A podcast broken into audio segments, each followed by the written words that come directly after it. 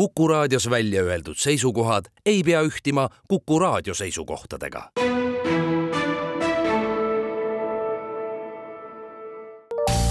terviseks. Saadet toetab Lääne-Tallinna Keskhaigla, vaata ka keskhaigla.ee tere, head Kuku kuulajad, eetris on saade Terviseks ja me räägime täna menopausist.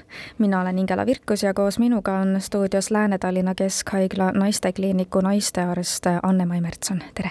tervist! mida tähendab menopaus?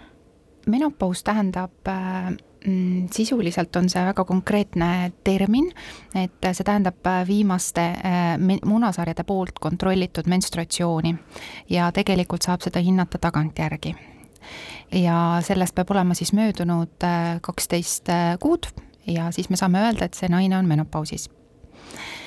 ja kui me mõtleme sellele, et naise oodatav eluiga tõuseb, Eestis on see eelmise aasta andmetel kaheksakümmend kaks koma kolm eluaastat, äh, siis viljakale eale järgnev eluperiood hõlmab naise elust umbes kolmandiku, et see on päris pikk aeg, kolmkümmend, nelikümmend aastat ja sellepärast ähm, ongi tähtis äh, mitte niivõrd keskenduda sellele sümptomaatikale, mis selles eluperioodis ette tuleb, vaid äh, just eeskätt, mis annab ära teha veel selles eas, et äh, pikendada tervena elatud aastaid kõik naised, kel on siis elu jooksul menstruatsioonid olnud, ühel hetkel menopausini jõuavad, aga millal see kõige tavalisem või niisugune kõige keskmisem aeg mm -hmm. on või vanus, millal see naistel algab? No keskmiselt on see ikkagi viiekümnenda eluaasta ringis, et kuskil seal viiskümmend üks kuni viiskümmend neli, et et, et see normivahemik on, on varieeruv, et aga üldiselt me loeme loomulikuks menopausiks äh, peale neljakümne viiendat eluaastat alanud või lõppenud menstruatsioonid, äh, kuni siis kuskil seal viiekümne viie, viiekümne kuuenda eluaastani. samas on ju ka olukordi või juhuseid, kus on naisel alanud see näiteks enne neljakümne viiendat eluaastat mm, -hmm. et sel juhul on tegemist varajase menopausiga, aga miks nii juhtub? no kõige sagedasem varajase menopausi põhjus on on tihtilugu ikkagi kas haiguslik, et kas seda naist on opereeritud varasemalt, ähm, kas tal on varasemalt opereeritud ära näiteks üks munasari, mis võib põhjustada äh, seda, et menopaus algab varem, või siis on see tõesti kunstlik menopaus selles mõttes, et on eemaldatud ära emakas.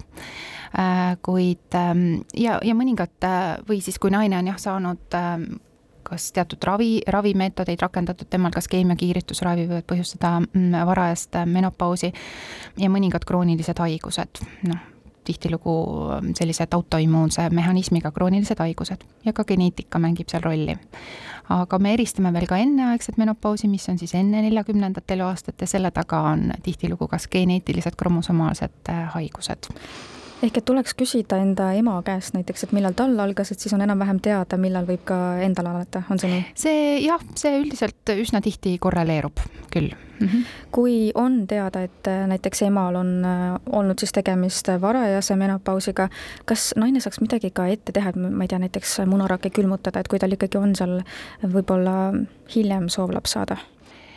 Äh, jaa, et äh, see on äh, täiesti õige lähenemine, et sellele tasuks mõelda üleüldse viljakusele kui sellisele tasuks mõelda mitte niivõrd peale kolmekümne viiendat eluaastat, vaid ikka varem. Ja eriti, kui on teada selline pärilik ähm, võimalik varajane menopaus millised on siis aga sümptomid peagi algavast menopausist, et mida naine esimesena võib äh, kogema hakata, te ütlesite küll, et äh, menopausile võib järele jõuda nii-öelda tagantjärele mm -hmm. tagasiulatuvalt mm, -hmm. aga, aga sellegipoolest äh, mingid sümptomid ju naisel tekivad et naine on jah, sisenemas perimenopausi etappi mm, nagu oma elu teljel, me saame nagu nii öelda.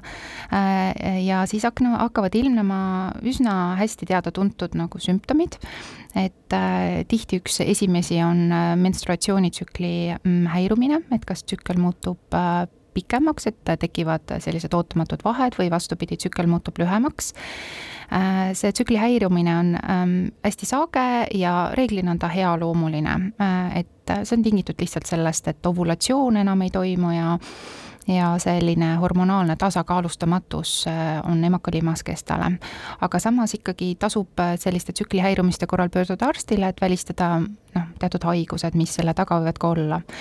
Ja tähtis on ka teada, väga tähtis on teada, et kui, ma ütleksin selle juba praegu ära, et, et kui veritsused tekivad pärast seda menopausi, ehk siis kaksteist kuud on möödunud viimasest menstratsioonist, siis on kindlasti oluline naistearstile pöörduda. aga teistest sümptomitest peale siis tsüklihäirete on väga levinud kuumahood või liigne ootamatu higistamine. me nimetame seda siis vasomotoorseteks tunnusteks ja seda kogeb tegelikult üle poole perimenopausi eas naistest.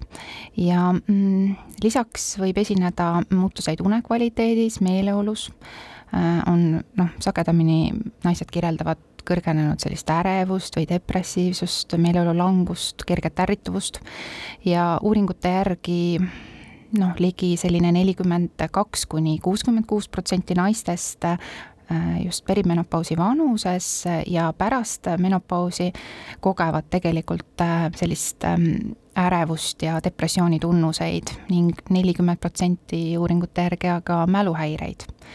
nii et äh, sümptomite skaala on nagu mitmekesine ja kindlasti ei jää puutumata ka seksuaalelu loomulikult, kui nüüd keegi kolmekümnendates kuulab meie saadet ja mõtleb, et appi, mul on kuumahood, et kas nüüd äh, algabki menopaus, siis äh, sellised, äh, no näiteks te mainisite ka ärevust, on ju mm, -hmm. et need sümptomid ei tähenda alati menopausi mm -hmm. algamist, et tegelikult võib olla siin taga ka tõesti stress, teatud ravimid mm, -hmm. kilp, näärmehaigused mm, -hmm. ei tasu kohe siis endast välja minna ja muretsema hakata. jaa, absoluutselt, et, et see on nagu tõsi, et kindlasti tasub siis sellisel juhul nõu pidada arstiga ja sagedamini jah, kuumahoogude taga võivad olla muutused siis kilpnäärme funktsioonis ja, ja noh, need on paratamatult äh, seotud ärevuse ja paanikahoogudega, et äh, selles osas tasub jah arstiga nõu pidada, et äh, noh, harvemini võib selle põhjuseks noorel inimesel olla näiteks vererõhuhaigus, mis samas võib ka avalduda selliste kuumahoogudena.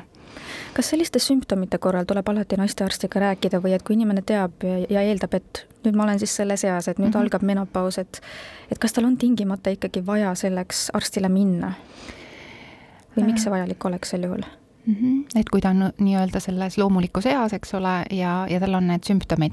no eeskätt äh, me siiski soovitame just selles vanuses äh, naisi käia regulaarselt naistearstil, et äh, nii kord aastas.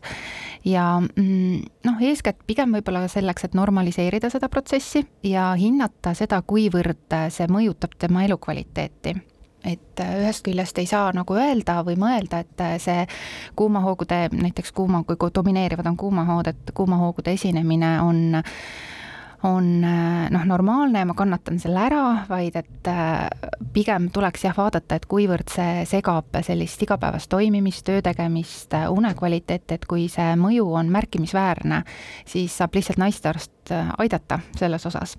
nii et kindlasti tasuks ikkagi pöörduda arstile, et hinnata, et kas see on piisavalt märkimisväärne, et näiteks alustada raviga me jätkame oma vestlust juba homme kell neliteist nelikümmend viis terviseks.